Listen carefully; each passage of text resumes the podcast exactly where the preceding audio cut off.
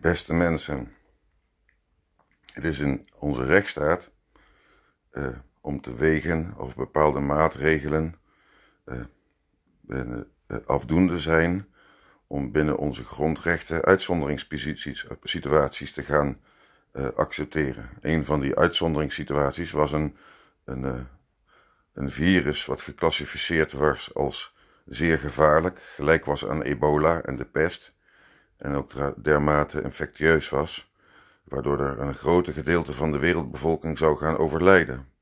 Waardoor we vanaf het begin af aan ervan uitgegaan zijn dat die signalering vanuit de World Health Organization het signaal was om eh, daarmee uh, onszelf te, voor onszelf te gaan beslissen in hoeverre wij ons zouden gaan beschermen voor een dergelijk ingrijpende virus die voor bijna iedereen dodelijk was en uiteindelijk heel veel mensen zou gaan laten sterven.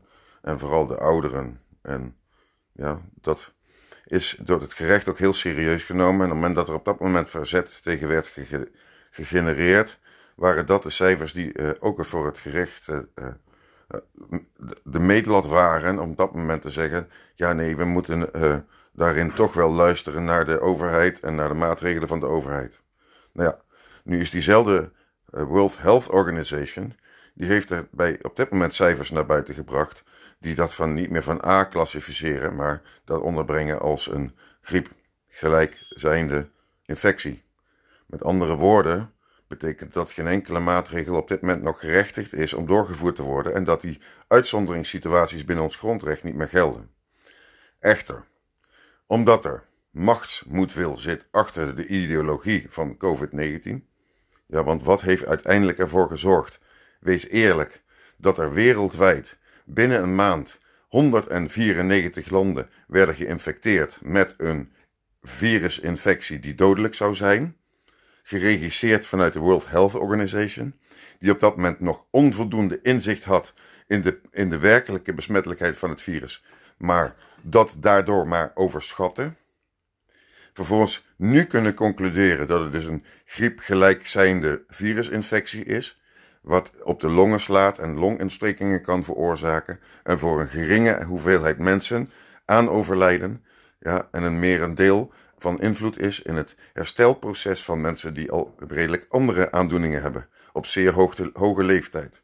Dus hartfalen, problemen hebben. Uh, maar ook jongere mensen die zwaar lijden hebben van andere zaken, kunnen natuurlijk door een dergelijke uh, snotneus, noem ik het voor iemand die sterk en gezond is, en voor iemand die zwakker is, kan het behoorlijk tot een longontsteking veroorzaken. En nu is dat misschien net hetgene wat je niet mag overkomen als je al aan andere zaken lijdt. En dan ga je uiteindelijk een keer dood, zoals we dat allemaal zullen hebben. Zoals we allemaal zullen sterven aan wat dan ook, een hartfalen, uh, longkanker of een andere vorm van kanker of een, uh, een hartfalen. En uh, het liefste zouden we allemaal omvallen en vervolgens dan is het afgelopen. En dan moeten we het zelf nog niet eens ervaren. Maar daaronder zitten nog heel veel mensen met heel veel lijden voordat ze überhaupt daar naartoe gedreven worden. Dat noemen wij op dit moment heel beangstigend, want dat zou ons ook kunnen overkomen. Maar werkelijk is, de rechtsstaat is niet meer van mening dat dit allemaal nog zo ernstig is. Echter, vanuit politieke belangen, van de merendeel van op dit moment politiek regerende partijen, zijn over het algemeen extreem links ingesteld. Zijn bezig met een depopulatieprogramma en zijn hoogstwaarschijnlijk ook onderdeel van het, uh, de, het complot die uh, uh, in september 2019 een event hebben georganiseerd vanuit de World Health Organization in Wuhan, waarvanuit spontaan daarna een wereldpandemie ontstond, omdat mensen in Wuhan omvielen. Om eerlijk te zijn, vallen er momenteel ook mensen om in de samenleving. Daar zijn, weet je, we hebben, ik heb daar zelf een, uh, een vriendin, een verzetstrijder, die daar getuige van is geweest, dat een oude persoon met een mondkapje op onwel werd, omviel. En dat wordt dan, werd dan destijds naar ons, Europeanen, gepresenteerd als zijnde een infectie aan COVID-19. Terwijl het om iemand ging die een mondkapje op had. Nu ervaren wij dat dan ook gaan wij dan nu denken dat, dat, dat die persoon overlijdt op dat moment met een mondkapje op aan COVID? of aan het uh, langdurig tekort hebben aan zuurstof in zijn bloed. Ja? Nu blijkt dat gerecht te erkennen dat het zwaar overtrokken is. Gaan we nu voor de rechter, zullen we in ons gelijk gesteld worden. Het is alleen de politiek die op dit moment gewoon doordrijft en de media die alles bij elkaar liegt, waar je bij, elk bericht die je maar leest en wanstandelijkheden leest, je moet vragen en verzoeken om rectificatie. Doe je dat niet, wordt dat niet gedaan. Ja, dus je, zij, uh, de media, de mainstream media liegt. En de mensen om, daaromheen moeten dat dan rectificeren. Om vervolgens dat er uiteindelijk datgene wat ze iedereen leest. En zich over irriteert. En een, gedeelte van de bevolking zelf door laat beïnvloeden. Voor waar aanneemt. En als het gerectificeerd wordt, wordt het toch nooit meer gelezen. Ja, als je alles wat er nu in de media staat van twee weken geleden of een maand geleden, is allemaal gerectificeerd. Staat niet meer erop zoals we dat hebben gelezen op de dag dat het gepubliceerd werd. Ja, dat is zorgelijk, maar dat betekent niet dat dat AD uh, vrij is in deze situatie. Dat betekent niet dat de Telegraaf niet onderdeel is van dat massale wereldwijde complot dat ons wil depopuleren. Dus genocide wil plegen over de mensheid. Grootschalig, binnen een plan. Agenda 21. Plan 2030. Extreem links. De mens is besmettelijk en de werkelijke vervuiler in deze problematiek. Dus we moeten depopuleren en daarmee beschermen we zelfs de, de, de samenleving en de natuur. De moeder aarde heeft ons verzocht om ons te depopuleren en daarmee mogen wij mensen vermoorden. Ja? Die ideologie, die wordt nu openbaar. Die duivelse actie, dat duivelse plan, wordt op dit moment openbaar. En we kunnen het allemaal misschien nog niet geloven, maar het is wel werkelijk waar de mensen die het mondkapje opdoen, hebben, dragen het teken van het beest. En die mensen moeten dat gaan begrijpen. Dat ze als het teken van het beest gaan individualiseren en verboden wordt om verbindenissen met elkaar te hebben, tenzij de overheid daar toestemming voor geeft. In depopulatie moet je natuurlijk vooral voorkomen dat er kinderen komen naar de toekomst. Dat doe je natuurlijk door sterilisatie, dat noemen we dan vaccinatie. Ja? Uh, of uh, ervoor te zorgen dat je dus alleen maar contact kunt hebben met iemand die al gesteriel is. Ja? Dus die vrijheid aan de gesteriliseerde persoon wordt in de toekomst meer rechten gegeven, dat noemen we vaccinatie. En de mensen die dus uh, niet gesteriliseerd zijn, zich tegen de sterilisatie houden, ja, die mogen geen onderdeel zijn van een economie, mogen geen munteenheid delen samen. Ja, die moeten uh, maar handel bedrijven met elkaar.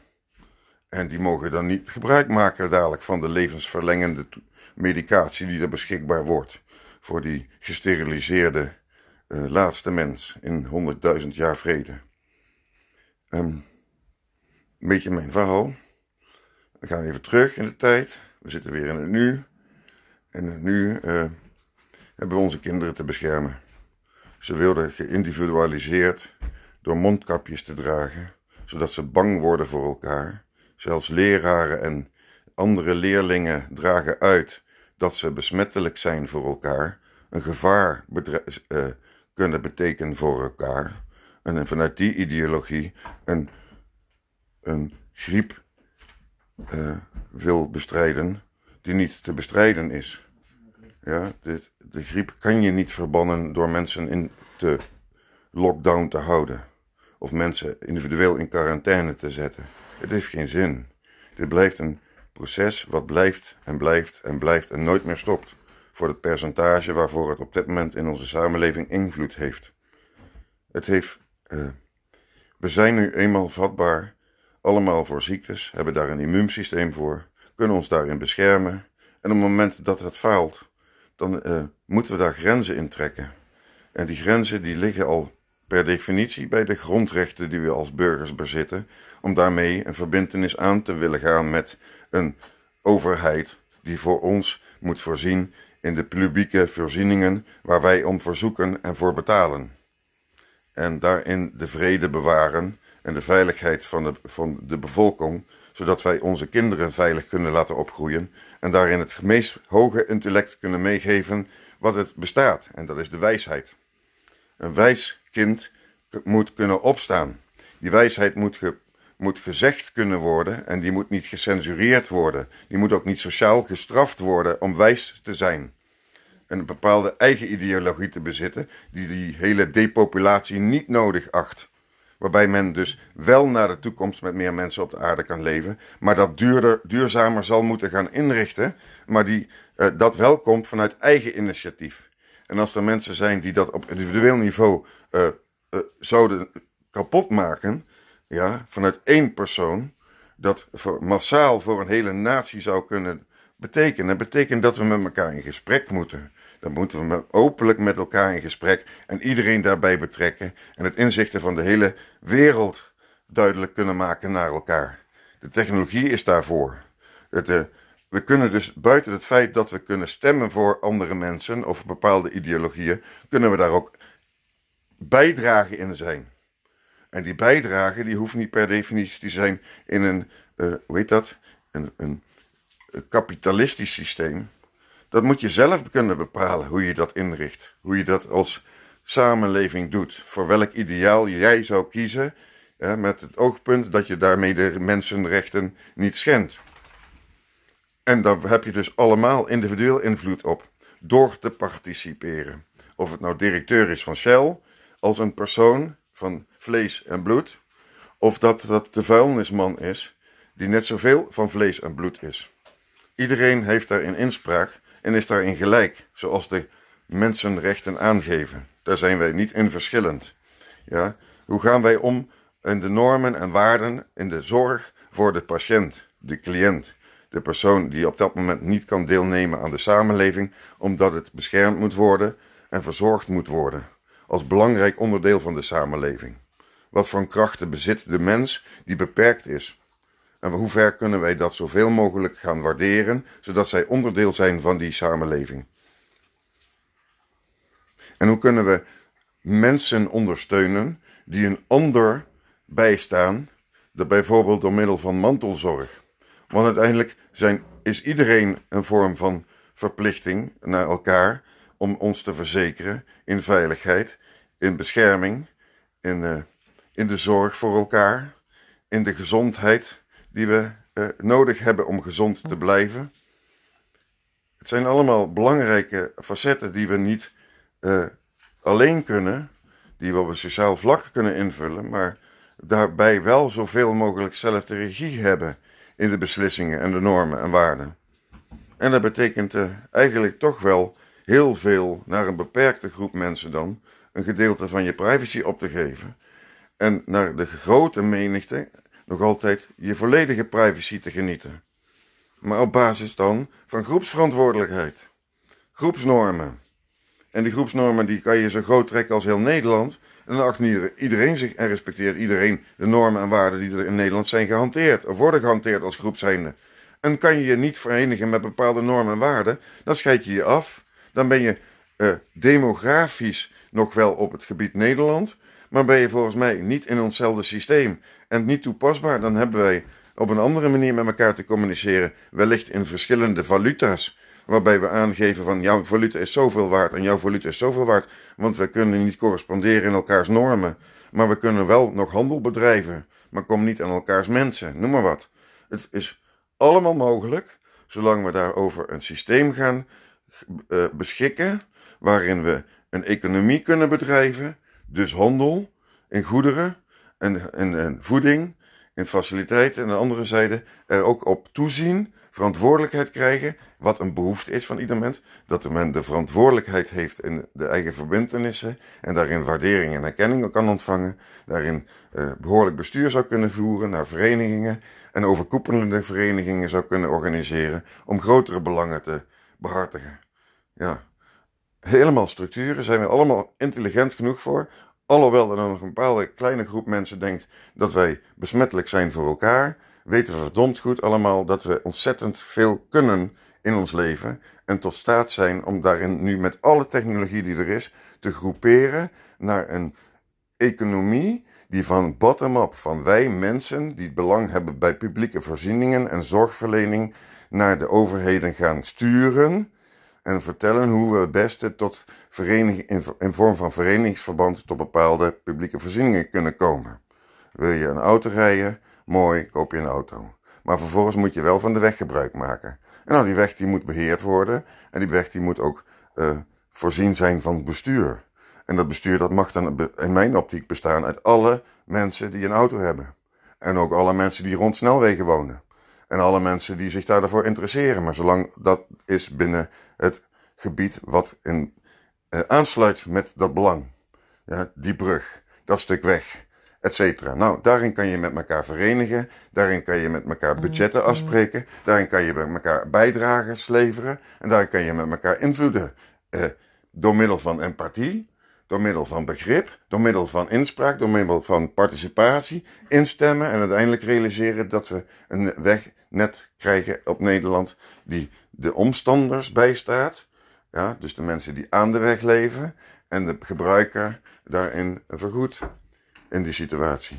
Of andersom, allemaal een bijdrage daarin leveren. Maar dat moet men dan bestuurlijk gewoon met elkaar gaan afspreken. Ja? Dat moet je met elkaar gaan afspreken. En dan moet je beseffen dat we allemaal van ontzettend grote waarde zijn.